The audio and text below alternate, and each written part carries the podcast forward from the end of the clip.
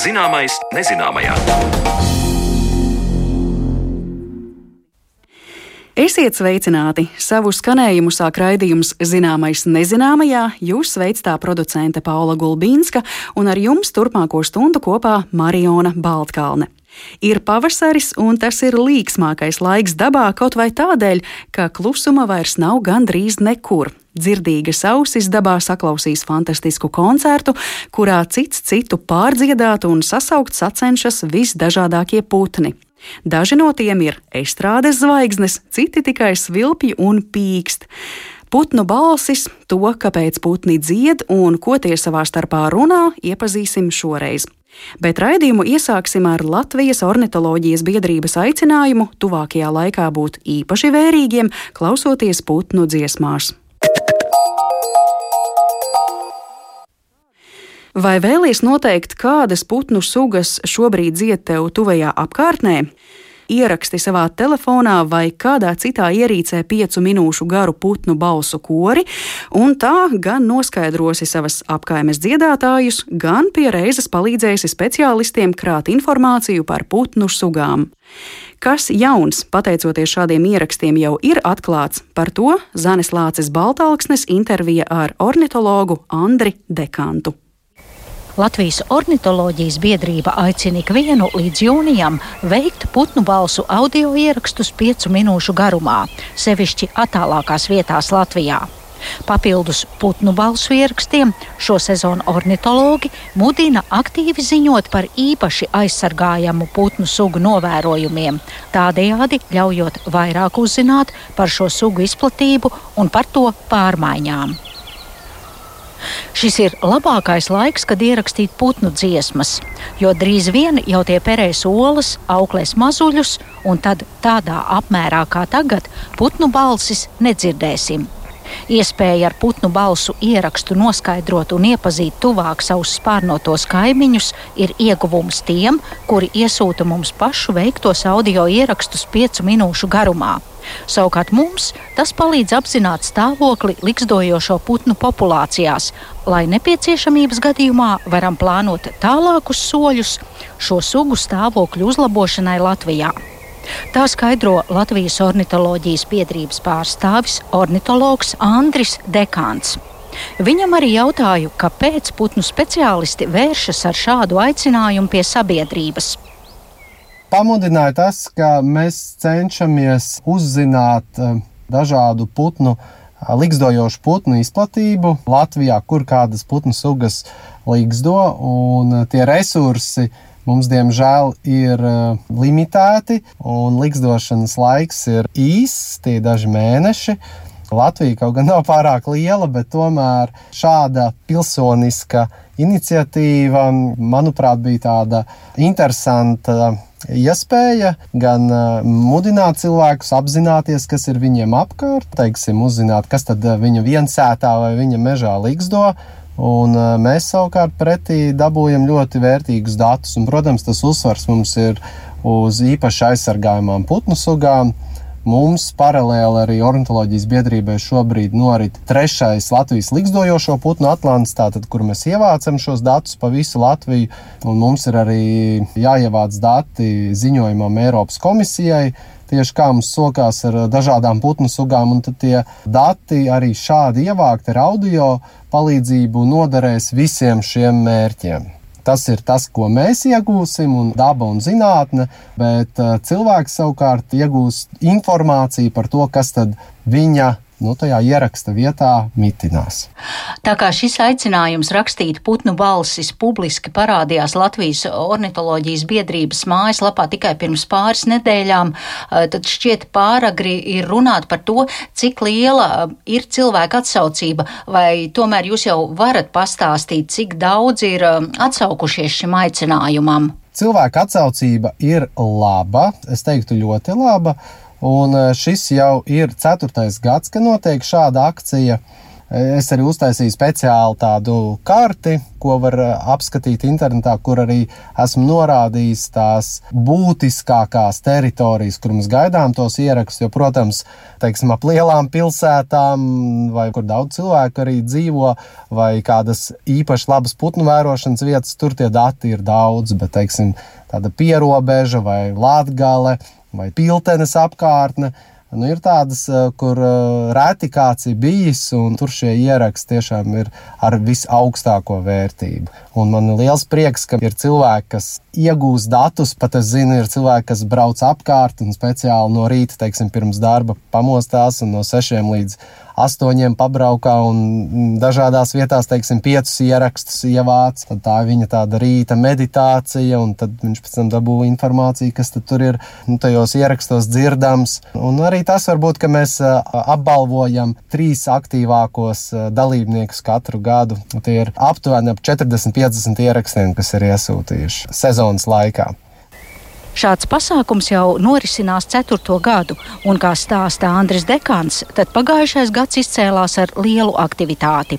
Bija iesūtīts 381 ieraksts, un šogad jau māja sākumā tika atsūtīti vairāk kā 200 ieraksti no aptuveni 100 interesantiem.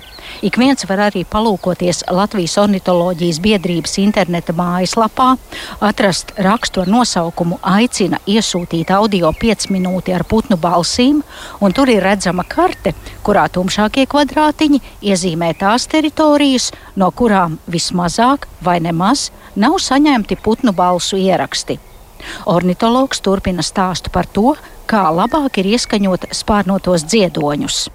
Tas, ko aicinu arī veikt, arī tos, kas klausās šo raidījumu, tie ieraksti vislabākie ir tādā gadījumā, ja tas telefons vai diktafons, un parasti tas ir telefons, kur ieraksts atrodas uz biotopu robežas. Nu, piemēram, jūs stāvat meža malā, Ar vienu ausi dzirdat lauka putnus, ar vienu ausi dzirdat meža putnus, vai izcili, ja tas ir lauks mežs un, piemēram, vēl tur ir ūdens, niedrājs tad jūs trīs dažādus dzirdat, eh, un, un tad nebūs tikai tā viena zīlīte vai tas viens strasts.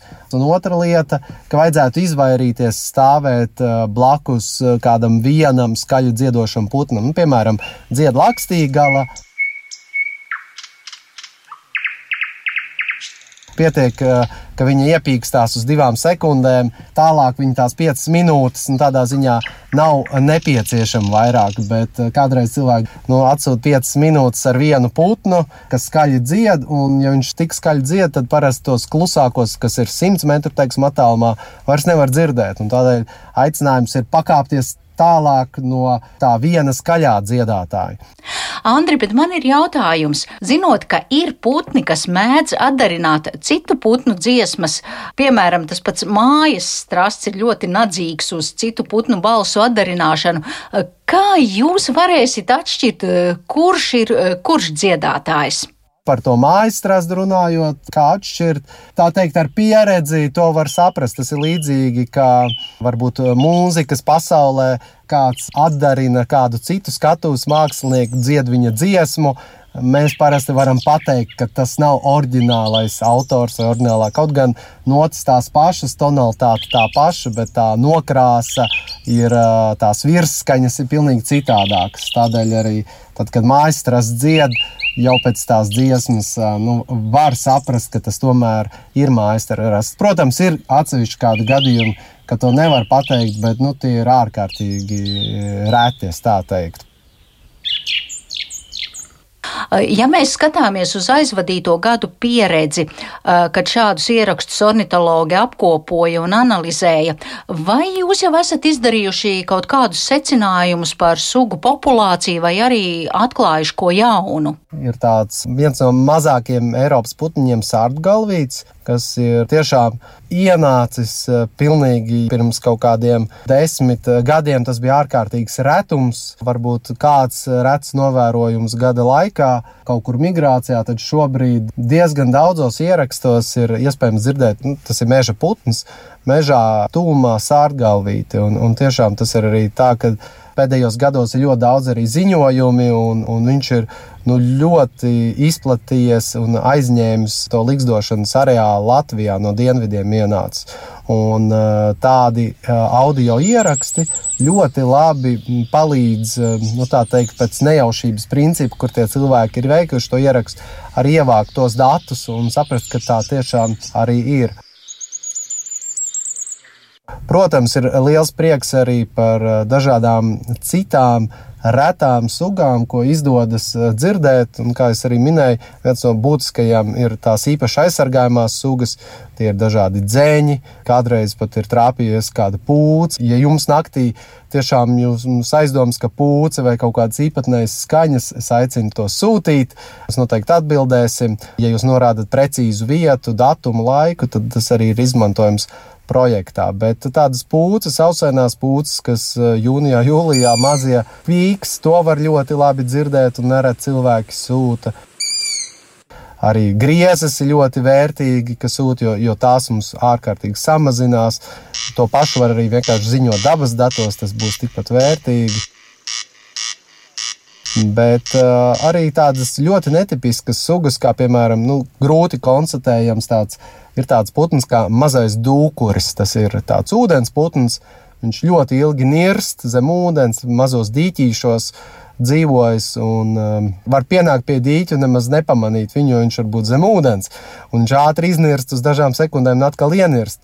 Viņš bieži vien var būt kādā piemājas, tādā aizaugošā dīķītī, kur varbūt tāds ornitologs vai putnu pazinējs nemaz nu, neiet tādā privātā teritorijā. Un tad uh, man, piemēram, bija liels prieks, ka kādi cilvēki ieraksta no savas viensētas pie dīķīša to ierakstu, un es ierakstā dzirdu, ka tāds mazais dūkuris tur uh, dzied. Tas ir tāds tiešām liels prieks, un tad, tā sajūta, jā, šī akcija tā teikt sevi pierādījusi. Tātad ik viens ir aicināts veidot tā teikt Latvijā likstojošo putnu skaņu karti. Un, Andri, atgādiniet vēlreiz, kas tad ir jāņem vērā, ja cilvēki vēlas ierakstīt savā tūmā esošo putnu balsis. Ļoti būtiski ir ka tiek norādīta precīza vieta. Tas ir tas eh, pats svarīgākais, jo nereti cilvēki atsūta man piemājas dīķītī, Madonas novadā. Tas īsti neko nepalīdz. Un tādēļ, lai projektam tas noderētu, ir ļoti, ļoti svarīgi, ka tiek norādīta precīza adrese. Vēl labāk, ka tās ir koordinātas, ko telefonā dažādās lietotnēs ir iespējams to dabūt. Un, jā, un tad arī būtiski, ka to var darīt no rīta. Tas būtu pat vislabākais. Vai arī var darīt arī vakarā, bet vēlams no rīta pirmajās nu, stundās pēc saulēkta. To droši var iesūtīt audio ierakstu no dažādām vietām. Ja, piemēram, jums ir tā viensēta, jūs varat ierakstīt vienā pusē, tad varbūt meža maliņā, pie upītes, pie dīķīša, varbūt ar dažu dienu atstatumu un noderēs ieraksti ik pa divām, trim nedēļām. Tādēļ, ka tāds mājas strasts, piemēram, nu, viņš drīz vairs nedziedās, jo viņam turlīt būs mazuļi. Viņš jau būs beidzis dziedāt, un uh, atlidos drīz svīras, un svīras gribēs viņa būrītī liksdot. Tad tajā audio varēs vairāk dzirdēt svīras. Tā kā tās būs pavisam cits skaņdarbs būs dzirdams tajā audio 5 minūtē. Tas arī ir otrs aicinājums. Īpaši maijs, jūnijas ir ļoti, ļoti sugām bagāts. Maijs ir pats pats plaukums. Katrs ieraksts būs tiešām zelta vērtē, īpaši, ja tas būs tajos kvadrātos teritorijās, kas ir iezīmētas kā aktuālās. Audio ierakstus līdz pat šī gada jūnija beigām ir jāsūta uz e-pastu atlants.lob.lv. Vēstules tēmas laukā norādot audio 5 minūte. Atbildi, kurā būs uzskaitītas visas ierakstā dzirdamās putnu sugas, ik viens iesūtītājs saņems individuāli e-pastā, noslēdzoties aktīvajai putnu sezonai, kad šie dati būs apkopoti. Turklāt aktīvākie dalībnieki saņems pateicības veltes. Ierakstu veidoja Zane Lāce Baltāksni, sēžot dārza stūrī pie piemājas meža Skultes pagastā.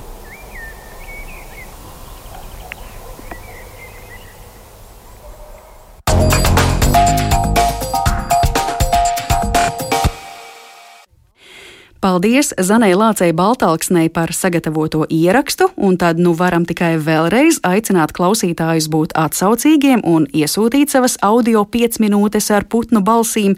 Bet kāpēc vispār putni dzied un kā šīs skaņas tiek radītas, par to gan sarunā, gan audio ierakstos uzzināsim jau pēc neilga brīža.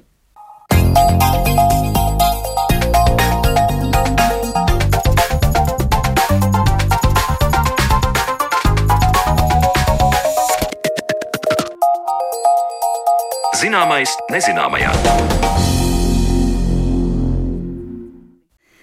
Ķērkšana, griešana, kliekšana, klabināšana - šos un vēl citus apzīmējumus mēs varētu attiecināt uz putnu veidotajām skaņām, un šīm skaņām ir arī dažādas nozīmes putnu dzīvēm. Tieši tāpat kā cilvēks var izsaukties no prieka vai iekliekties dusmās, arī putnu emociju gama var būt daudzveidīga. To visu raidījuma turpmākajās minūtēs iepazīsim plašāk, un to mums palīdzēs darīt ornitologs Viesturs Čerus, kuru sveicu studijā. Labdien, Viestur! Labdien!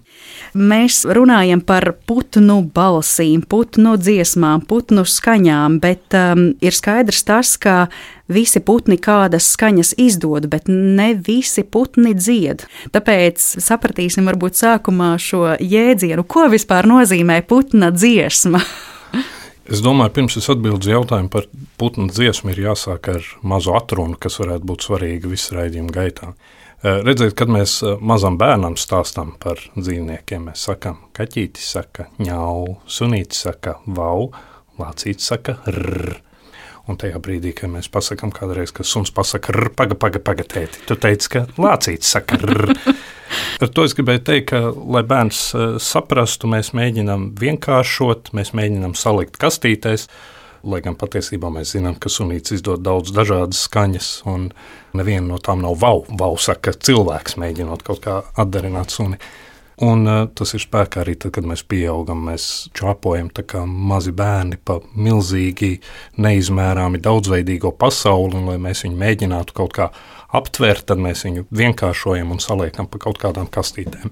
Nu, lūk, un tādās kastītēs ir salikts arī putnu dziesmas, bet uh, visa šī stāsta gaitā droši vien jāpatur prātā, ka katrai lietai, ko es saku, atruna vienmēr būs, bet patiesībā tas nav tik vienkārši, mm. un izņēmumi un pārklāšanās tāpat kā ar, ar dziesmu. Tātad, eh, vienkāršot sakot, mēs putnu skaņas liekam divās kastītēs, kur viena ir saucieni un otra ir dziesmas. Un uh, saucieni ir parasti īsas, samērā vienkāršas skaņas, ko izdod abu dzimumu putni, un kur varbūt katram saucienam kaut kāda noteikta funkcija. Savukārt dziesma ir tā garā, sarežģītā skaņa, kuras eh, visbiežāk izpilda tēviņi, Un dziesmām ir vairākas funkcijas, bet nav tā, ka katrai funkcijai ir sava dziesma. Tātad dziesmas ir, lai piesaistītu mātītes, lai aizsargātu teritorijas, lai aizsargātu mātīti. Tas, eh, kas varbūt ir patiesībā primārā funkcija, ja mēs mēģinām to salikt pa plauktiņiem, ir tā pati, kurai mēs ornitologi izmantojam putnu dziesmu, respektīvi sugas identifikāciju. Tu pasaki, es esmu šis, es esmu lakstīgala vai es esmu melnais mežstrasts. Tad eh, vai var teikt tā, ka šie manis sākumā pieteiktie epiteti - ķērkšana, griešana, kliekšana, klabināšana - tie ir tādi apzīmējumi, ko varētu daļēji kaut kur attiecināt uz saucieniem un kaut kur uz dziesmām? Jā, daļai tie būtu saucieni, daļai tās būtu dziesmas, un savukārt klabināšana ir vēl nākamā skaņa, jo eh, putni ne tikai izdod skaņas ar balsi, kas būtu tie saucieni un dziesmas, putni arī reizēm spēlē instrumentus. Un klabināšana, piemēram, ir tas, kā instrumentu spēlē stārķis, kurš klabina ar knābi, Bet stāsts nav vienīgais instruments spēlētājs. Mēs zinām dzeņus, piemēram, kas dziesmas vietā bungo pa koku, tā rībina. Un, ja viņš grib īpaši iespaidīgs izklausīties, viņš varbūt rībina pa staba metāla cepurīti, un tad viņš tāds rīktīgi varens dzēnis. Vai arī mērkaziņi, kas arī spēlē instrumentu, bet kam tas instruments ir astes spalvas, kas izdod skaņu, kas ir devusi viņai nosaukumu. Ļoti jauki, ka jūs pieminējāt eh, dzeņus, jo es tieši par dzeni aizdomājos. Vai vienmēr ir tā, ka šie saucieni vai dziesma ir apzināti raidīti? Jo man par dzeni domājot, liekas, varbūt šī skaņa ir tāds blakus efekts tajā brīdī, kad dzenis dara savu meža sanitāra darbu. Es domāju, ka visbiežāk tie ir apzināti raidīti, jo jāpaturprātā, ka putni dzīvo citādākā pasaulē nekā mēs. Mēs varam staigāt pa ielu, dziedāt un bļaustīties, un, ja mēs to nedarīsim pa nakti un nevienam netraucēsim, tad mums nekas slikts nenotiks. Bet putnam, ja viņš izdod troksni, viņš rada sev kaut kādu bīstamību, jo lielākajai daļai putnu ir kāds cits, kas viņu, ja sadzirdēs, var atnākt un apēst. Tāpēc tāpat vien taisīt skaņas nav īsti prātīgi. Nu, tad, ja tev teiksim, kāds jau ir saķēris, tad tu kliedz, cik var, lai brīdinātu visus pārējos.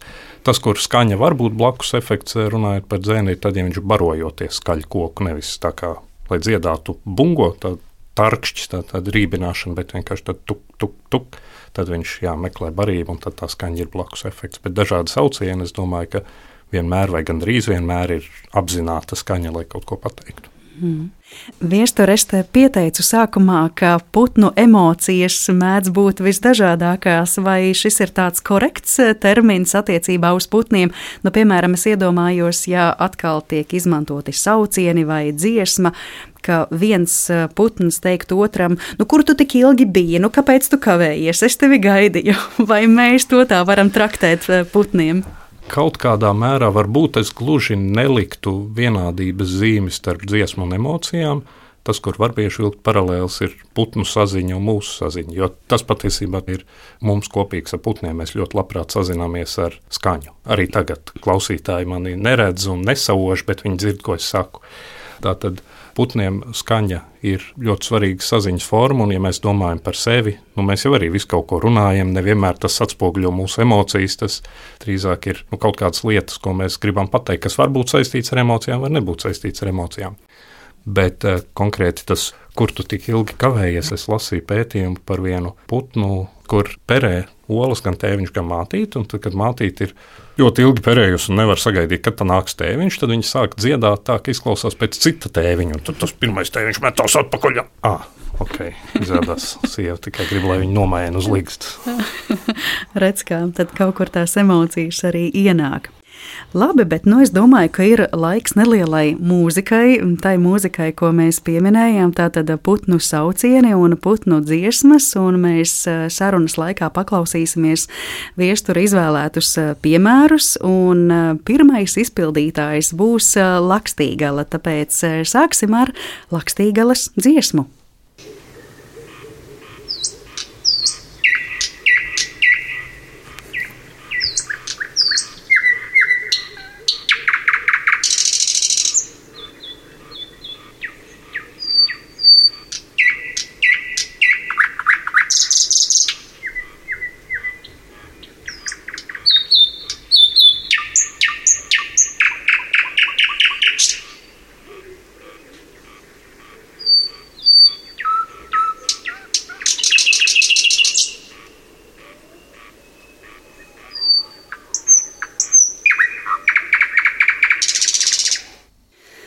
Vai dažādas nianses, dažādas krāsas. Lakstīgala ir tas putns, kas savas dziesmas dēļ ir aprunāts un apdziedāts mākslā un dziesmās, ja, par to, kā dzied birzī Lakstīgala.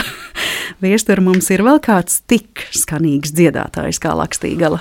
Nu, Lakstīgala ir tas tradicionāli pieņemtais, viskaistākais dziedātājs. Un interesanti, ka Lakstīgala tiešām skaisti dzied un ir apdzējota daudz un apdziedāta, bet tas, ko mēs reizēm nepamanām, skatoties uz kultūru Eiropā, ka tās ir divas dažādas lakstīgales. Rietuma Eiropā tā ir rietuma lakstīgala un, un šeit tā ir nu, tā, ko mēs vienkārši saucam par lakstīgalu, bet abas viņas uh, skaisti dzied. Jāatzīst, ka man subjektīvi liekas, ka skaistāk dzied melnais meža strasts, bet tas ir katram savas emocijas. Jo nu, es domāju, ka mums visiem putnu dziesmas un emocijas, ko tās izraisa, izriet ne tikai no tām skaņām, frekvencēm un skaļuma, bet arī no situācijas, kur mēs dzirdam pavasara vakari un ievu smaržu un tam līdzīgi. Un uh, droši vien arī tāpēc mums kopumā vispār putnu dziesmas liekas skaistas. Nu, viņas ne tikai labi izklausās, bet tas ir arī, domājot par senajiem laikiem, laiks, kad dzīve kļūst vieglāka. Tātad pavasaris ir klāt, putni sāk dziedāt, ziema ir aiz muguras, mēs esam izdzīvojuši un tagad viss būs atkal labi. Nu, tad iespējams citas sajūtas radīsies dzirdot lakstīgalas saucienu. Tad mirklis atkal mūzikai.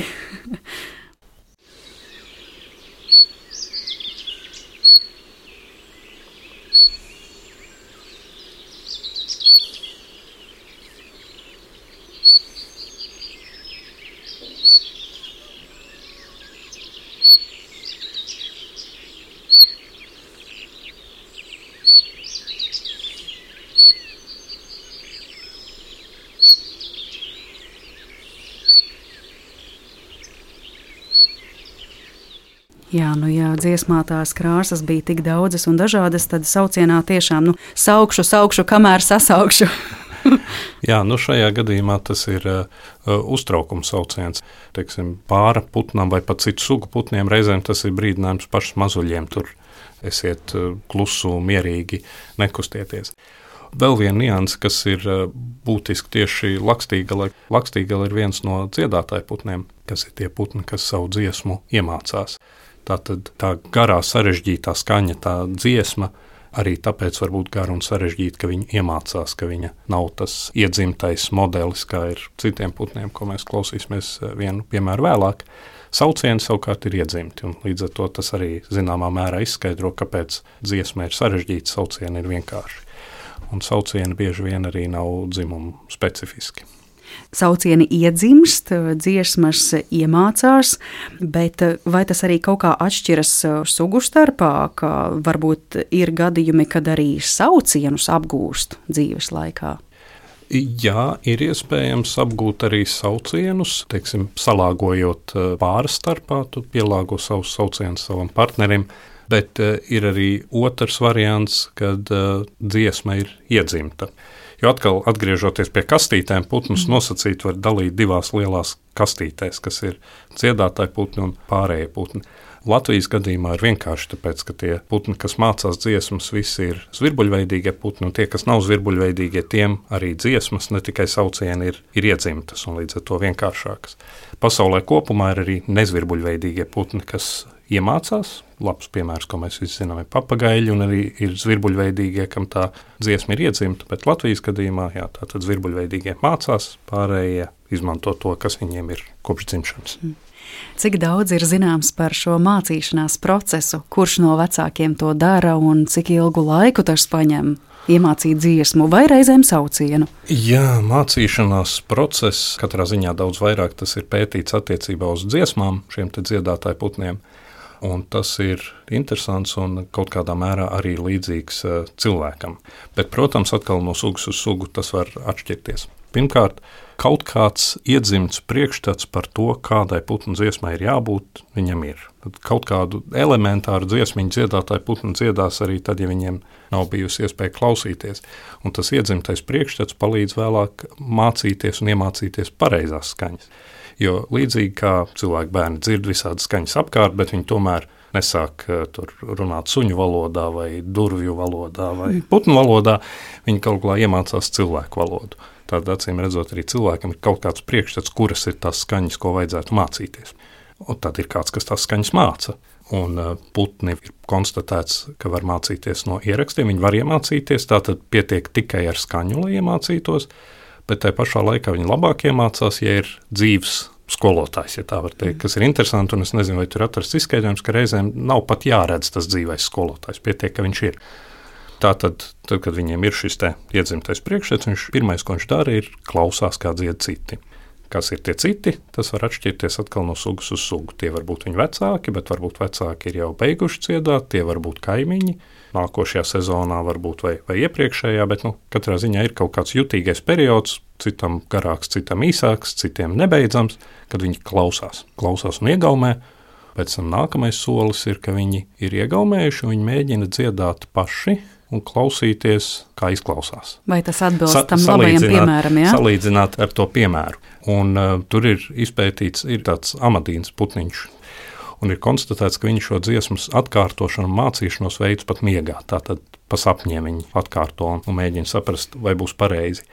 Un e, šis atkal ir līdzīgi kā ar maziem bērniem. Tie, kas ir bijuši klāt maziem bērniem, kad viņi mācās runāt, tad mēs zinām, ka bērnu izmantotais skaņu spektrs ir daudz lielāks nekā tas, ko pēc tam, kad viņi ir iedzīti mūsu pareizi teikt, šitā kastītēs, tad tas skaņu spektrs sašaurinās. Un līdzīgi ir arī ar jauniem putniem. Viņi visu kaut kādas skaņas izmanto, izmēģina, kā izklausās, nē, šitais neizklausās pareizi, un tā viņš pamazām nonāk līdz tai pareizajai, smukajai mm. dziesmai. Un reizēm ir putni, kas iemācās vairāk, ir putni, kas iemācās mazāk dažādu iemeslu dēļ, un līdz ar to tā dziesma var arī putnu mātītei pastāstīt, cik Es atvainojos par prastiem izteicieniem, cik kvalitatīvs ir šis tēviņš. Tad sanāk, ka ornitologs klausoties putnu balsīs, var arī saprast, vai tas ir jauns putns vai netik jauns putns. Jo jaunais būs vēl šajā mācīšanās procesā, ka viņš apgūs dziesmu un ne viss sanāk tik veikli. Ja? Jā, reizēm to var pateikt, reizēm nevar. Katrā ziņā paši putni to noteikti var pateikt daudz labāk nekā ornitologi. Jā. Nu, tad viestur atklājiet kārtis, kā mums ir ar tādu putnu kā grieze. Mēs sakām, ka grieze griež vai grieze piedzimst ar šo griezošās skaņas prasmi. Jā, grieze, grieze griež, tā saka arī ornitologi, un grieze nav dziedātāja putns, tātad viņas dziesma ir iedzimta. Nu tad paklausīsimies, kā grieze griež.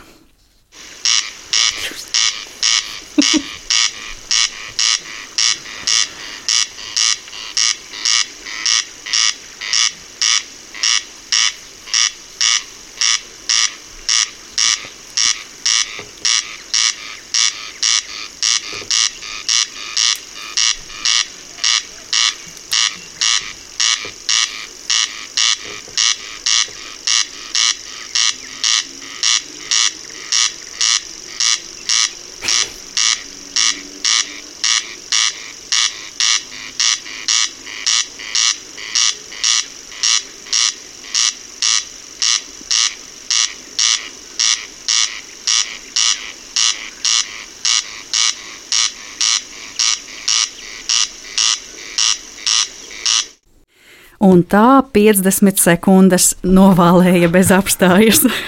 Gluži kā motorzāģis, kuru klausoties man pat gribējās pakamt gaisu, nu kā tad būs. Līdz ar to jautāšu, vai putni ielpo, izdodot savas skaņas, un kā tie to izdara? Jā, putnu elpošana vispār ir mazliet citādāka nekā cilvēkiem vai stipri citādāk, neiedziļinoties eh, fizioloģijas, anatomijas niansēs. Eh, vien teikšu to, ka viņiem asinis eh, piesātinās ar skābekli gan izelpojot, gan ieelpojot. Bet jā, reizēm, kad klausās putnu dziesmu, ir tāda sajūta, ka viņš dragā vispār elpu neievilkdams un kā tas ir iespējams. Viens ir, kas ir izpētīts palēninot ierakstus, ir tas, ka viņš reizēm ieelpo gan, bet tas ieelpas mirklis ir tik maziņš, ka bez tā palēninātā ieraksta mēs vispār nepamanām, ka izklausās, ka tas ir vienlaikus. Nē, esmu profesionāls mūziķis, bet pieļauju, ka teiksim, pūtēji pamanās ieelpot, nepārtraucot uh, melodiju. Nu, tā tas ir uh, līdzīgi arī ar putniem.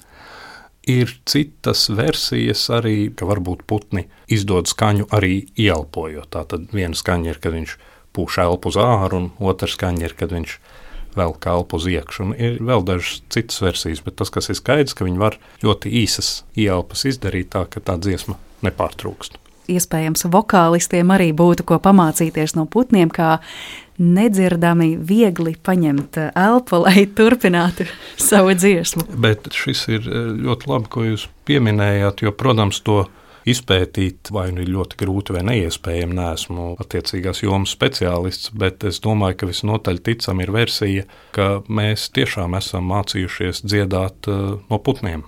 Ka sākotnējās dziesmas un mūzika ir dabas, to starp putnu skaņu atdarināšana. Nu, redz, jūs pieminējāt vārdu atdarināšana. Mēs līdz šim runājām par to, cik lielā mērā putni iedzimst ar spēju saukt vai dziedāt, un cik lielā mērā tie to iemācās. Kā ir ar spēju atdarināt citas sugas balsis? Vai šī spēja arī ir unikāla, kas putniem iedzimst, vai tie to mācās, un, ja mācās, tad kāpēc? Ir sugas, tiešām, kas spēj atdarināt citu putnu balsis. Nu, no tādiem Latvijas cilvēkiem pazīstamākiem putniem būtu mājas strasts, piemēram, vai sīlis. Turklāt eh, abos gadījumos viņi var atdarināt eh, ne tikai putnu balsis, bet dažādas skaņas. Un visbiežāk tie, kas sāk kaut ko atdarināt, ir tie, kam tas mācīšanās periods ir eh, neierobežots. Jo liela daļa putnu vienā brīdī mācās, pēc tam viņi vairs neko nemācās. Bet tiem, kas atdarina, tas periods ir ilgāks. Viens mazāk pazīstams putns, bet kas ir nu, līdz tādam ekstrēmam līmenim, to atdarināšanu paņēmis, ir purvķauķis. Purvķauķis arī Latvijā bieži sastopams, un ir teorija, ka purvķauķim savas dziesmas patiesībā īsti nav, ka visa viņa dziesma sastāv no atdarinājumiem un varbūt ir vērts paklausīties, un tad es paturpināšu, lai klausītāji saprotu, par ko ir stāsts. Par to, kā purva ķauķis pārkāpj autortiesības attiecībā pret citām sugām, lai skan purva ķauķis.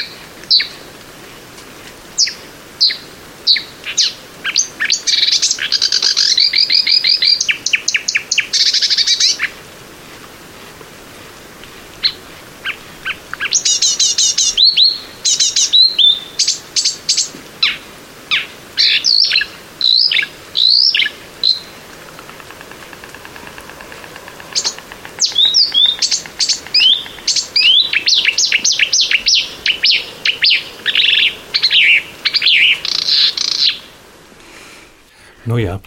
Pirms es atbildu uz to, kāpēc, es domāju, ka cilvēkiem varētu rasties jautājums, ka es vienbrīd teicu, ka tā dziesmas galvenā funkcija ir pateikt, es esmu šitās sugas putns, un kā tu to vari pateikt ornitologiem un citiem putniem.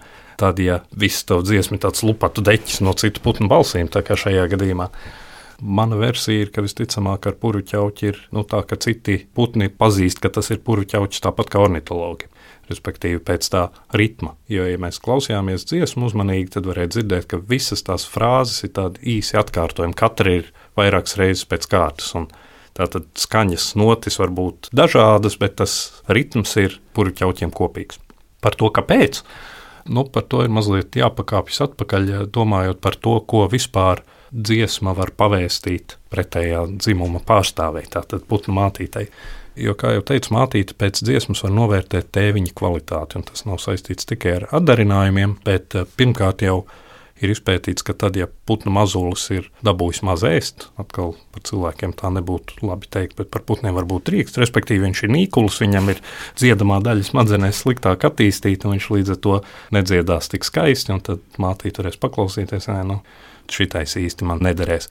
Otrs ir, ka dziedāšana ir fiziski smags darbs. Tātad, ja viņš sparīgi un daudz un sarežģīti dzied, tad ir skaidrs, ka viņš ir fiziski attīstīts, tas putns, un varbūt līdz ar to ļoti labs tēviņš.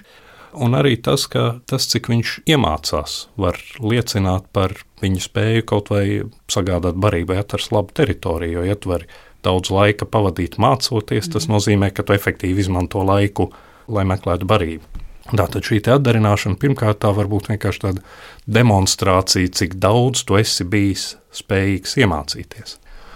Konkrēti par puruķauķi arī ir versija, ņemot vērā to, ka lielākā daļa šo atdarinājumu nāk no Āfrikas putniem, nevis no Eiropas putniem. Tātad viņš ziemu pavadīja Āfrikā, kur viņš klausās un mācās, ko viņš tur saklausa. Mātītei tas var būt vēstījums par to, kurā reģionā viņš ir pārziemojis. Tad varbūt viņai ir kāda apsvēruma, kāpēc viņi grib nu, teiksim, tēviņu no sava reģiona. Jo mēs jau skatāmies uz putniem šeit, Latvijā, un uztveram kā savējos, bet puruķauķis Latvijā pavadīs laiku. Tā galvenā viņa dzīvesvieta patiesībā sanāk Āfrikā. Ko tas mātītei dod, to mēs nezinām. Bet nu, katrā ziņā tas ir stāsts par redz, kur es esmu bijis. Jā, un tad iespējams uz eh, šādu dziesmu, kas ir veidota kā tāds raips eh, paklājs no daudzu citu putnu dziesmām, nemaz nevajag eh, raudzīties tik kritiski, jo tas pierāda, uz ko putns ir spējīgs, bet jūs viestur iedavāt ļoti labu pavadienu manam nākamajam jautājumam. Kā ir piemēram ar citiem putniem, migrējošajiem putniem, kuri arī dodas uz kādu laiku prom no Latvijas? Viņu dziesma tad arī var mainīties vai apaugt ar kaut ko, ja mēs skatāmies uz līdzībām cilvēku pasaulē. Es, piemēram, aizbraukšu uz kādu gadu vai vairākus gadus pavadīšu citā valstī, un tad atbraukšu un ar tādu akcentu runāšu. Eh, nu, gluži tā visticamāk nebūs. Pirmkārt, tāpēc, ka putniem tā pārvietošanās ir daudz prognozējumāka nekā mums cilvēkiem. Mums ienāk prātā, es aizbraukšu dzīvot uz Ameriku, un es aizbraucu padzīvot uz Ameriku, uz Austrāliju vai vienalga. Putniem tomēr ir tās tradicionālās likstošanas, iemošanas vietas. Turklāt eh, būtisku lomu spēlē arī tas, kurā brīdī viņi mācās jo tas klausīšanās un iegaumēšanas periods lielai daļai sugu ir noteikts. Tas var būt vēl tajā laikā, kad viņi nekur nav aizlidojuši. Tātad klausās tos, kas vēl tajā pašā sezonā dzied. Tas var būt arī nākamajā sezonā, kad viņi ir jau atlidojuši un kad viņi atkal klausās. Tā kā nav teikts, ka visiem tas periods būs eh, tajā brīdī, kad viņi ir savā ziemošanas vietās. Tas varbūt ir tas laiks, kad viņi atcerās tās dziesmas un pārmaļ galvā un varbūt tas apņem klausās bet uh, tas visticamāk neietekmēs. Ja mēs runājam par putnu dialektiem, putniem tiešām ir arī dialekti, bet tie veidojas likstošanas vietās, jo tur ir sava nozīme. Nu, atkal, cik ir izpētīts, ne, ne visu mēs zinām. Bet tāpēc es minēju, ka putni visbiežāk, cik mums zināms, visbiežāk viņi mācās dziesmu no kaimiņiem. Respektīvi, es ciedu līdzīgi kā dzied mani kaimiņi. Mēs jau arī mēs mm. mācāmies runāt tā, kā runā mūsu tuvākie cilvēki, un līdz ar to mēs šeit Latvijā runājam vienā veidā, un, un Lietuvā runā līdzīgi, bet mazliet atšķirīgi. Un tāpat arī putniem, ja tu mācies no saviem apkārtējiem, tad kaut kāda dialekta var veidoties kas var palīdzēt arī nu, tādai mierīgākai dzīvei. Jo tikmēr, kamēr tur dzied tavs kaimiņš, tu zini, jums ir sava noteikta robeža, un nu, viņš tur dzied, tikko sāk dziedāt kaut kāds nepareizs, tā tu saproti, pagaidi, pagaidi, paga, šitais nav vietējais, jāiet sadot pa kaklu viņam. Tad es saprotu, ka viens no šādiem piemēriem, dialektu piemēriem, būtu dzeltenā stērste, kur šādi dialekti parādās. Jā, mm? dzelteno stērsti mēs savulaik Edmunds Račinska vadībā arī iesaistījāmies vienā starptautiskā pētījumā, kur vāc tieši dzeltenās stērstes dialektu piemērus. Latvijā, ja pareizi atceros, bija tikai viens variants, ko mēs dzirdēsim tagad, bet citās valstīs varbūt arī vairāki. Tie piemēri, ko mēs paklausīsimies, būs no Latvijas un no Polijas. Un tagad klausītājiem jāklausās pavisam uzmanīgi, jo izšķirošais ir pēdējā zilbe šajā skaņā. Un uzreiz arī jāpabrīdina klausītāji nenobīties no tām pauzēm. Stērstas dziesmā tā ir patiešām īsta putna dziesma. Jā, sāksim tad ar stērsti, dzelteno stērsti Latvijā.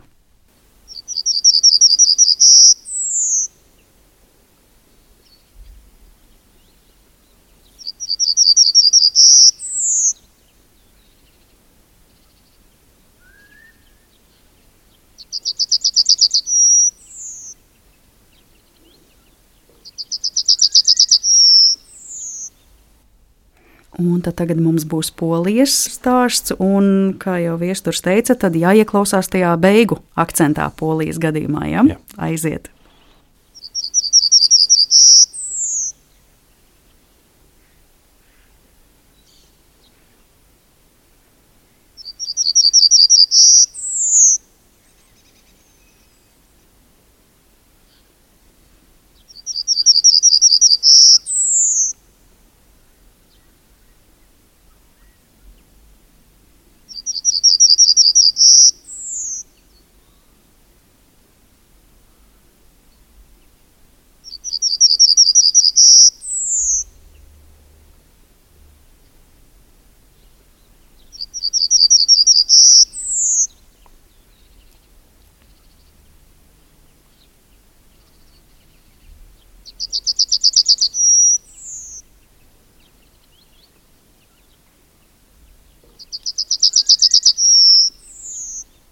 Nu jā, droši vien to atšķirību vislabāk var redzēt tā saucamajās sonogrammās, mm. kur ir mhm. uzzīmētas jā. frekvences.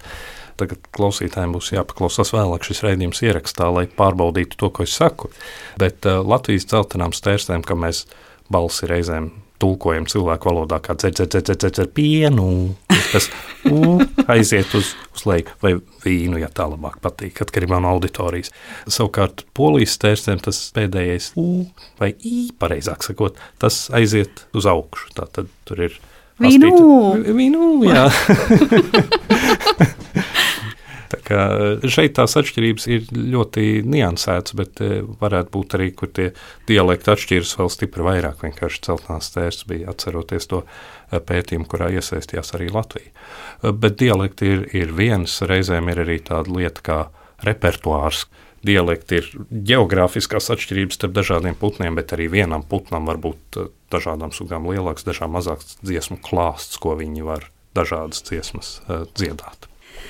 Ai, šis ir bijis tiešām brīnišķīgs ceļojums, un tiešām man visu laiku gribas vilkt tās paralēles putnu un cilvēku pasaulē, ka mēs reizēm tā ar labdabīgu smaidu klausamies cilvēkus, kuriem ir interesanti akcenti un dialekti, un kad mēs to savalkam kopā ar putniem, tas šķiet kaut kas tik tūs un pazīstams. Bet es jums, viestur, gribēju noslēgumā jautāt par to, cik ilgi putni dzied, jo mēs vienmēr pavasari asociējam arī ar to laiku, kad putnu balsis tik daudz ir dzirdamas, viss eh, ir skanīgs un virmo visapkārt, eh, bet parasti šķiet Jāņi ir tas laiks, kad kaut kā mazāk tie putni ir dzirdami, vai ne? Kāpēc tas jā, pavasaris jā, tāds? Tā. Teiksim, arī saucienus mēs varam dzirdēt, ja ir iemesls saukt visu caur gadu, bet dziesmas visbiežāk mēs dzirdam pavasarī. Bet, uh, tas ir atgriežoties atpakaļ pie tā, ko es teicu. Pirmkārt, ka dziedāt ir grūti un bīstami, tad bez vajadzības dziedāt nebūtu saprātīgi. Un otrkārt, ka dziesmas galvenā funkcija ir mātītes piesaistīšana, teritorijas sargāšana. Un tad, kad esi savu mātīti dabūjis, un tad, kad tev ir izšķīlušies mazuļi, kuri tev ir eh, jābaro, tad uh, iemeslu dziedāšanai vienkārši mazinās. Tev ir cits prioritātes tavā dzīvē. Tu principā to galveno, ko tu ar dziesmu gribēji panākt, esi panācis, un tāpēc nav vērts sevi apgrūtināt un pievērst plēsēju uzmanību. Ir putni, protams, ko mēs uh, dzirdam, dziesmas tiešām ne tikai saucienus, arī gada otrajā pusē, un liela daļa no tiem ir tie, kas nav tikuši pie savas mātītes, kas joprojām izmisīgi cer vēl kaut ko sadziedāt. Uh, un reizēm uz kādu otro pusi tie var būt arī jaunie putni, kas jau izmēģina. Kā tā viņiem tagad tā dziesma iznāk un izklausās. Bet lielākoties tiešām jā, tā galvenā putnu dziedāšana ir pēc atgriešanās no ziemošanas vietām līdz aptuveni jāņem. Nu, putnu kalendārā neskatās, bet nu, tā pašā laikā dienas garums ir ļoti būtisks rādītājs putnu dzīvē. Tā kā sakritība ir pietiekami tuvu. Viesture saku lielu, lielu paldies, ka jūs šodien paņēmāt līdzi dažādus koncertus.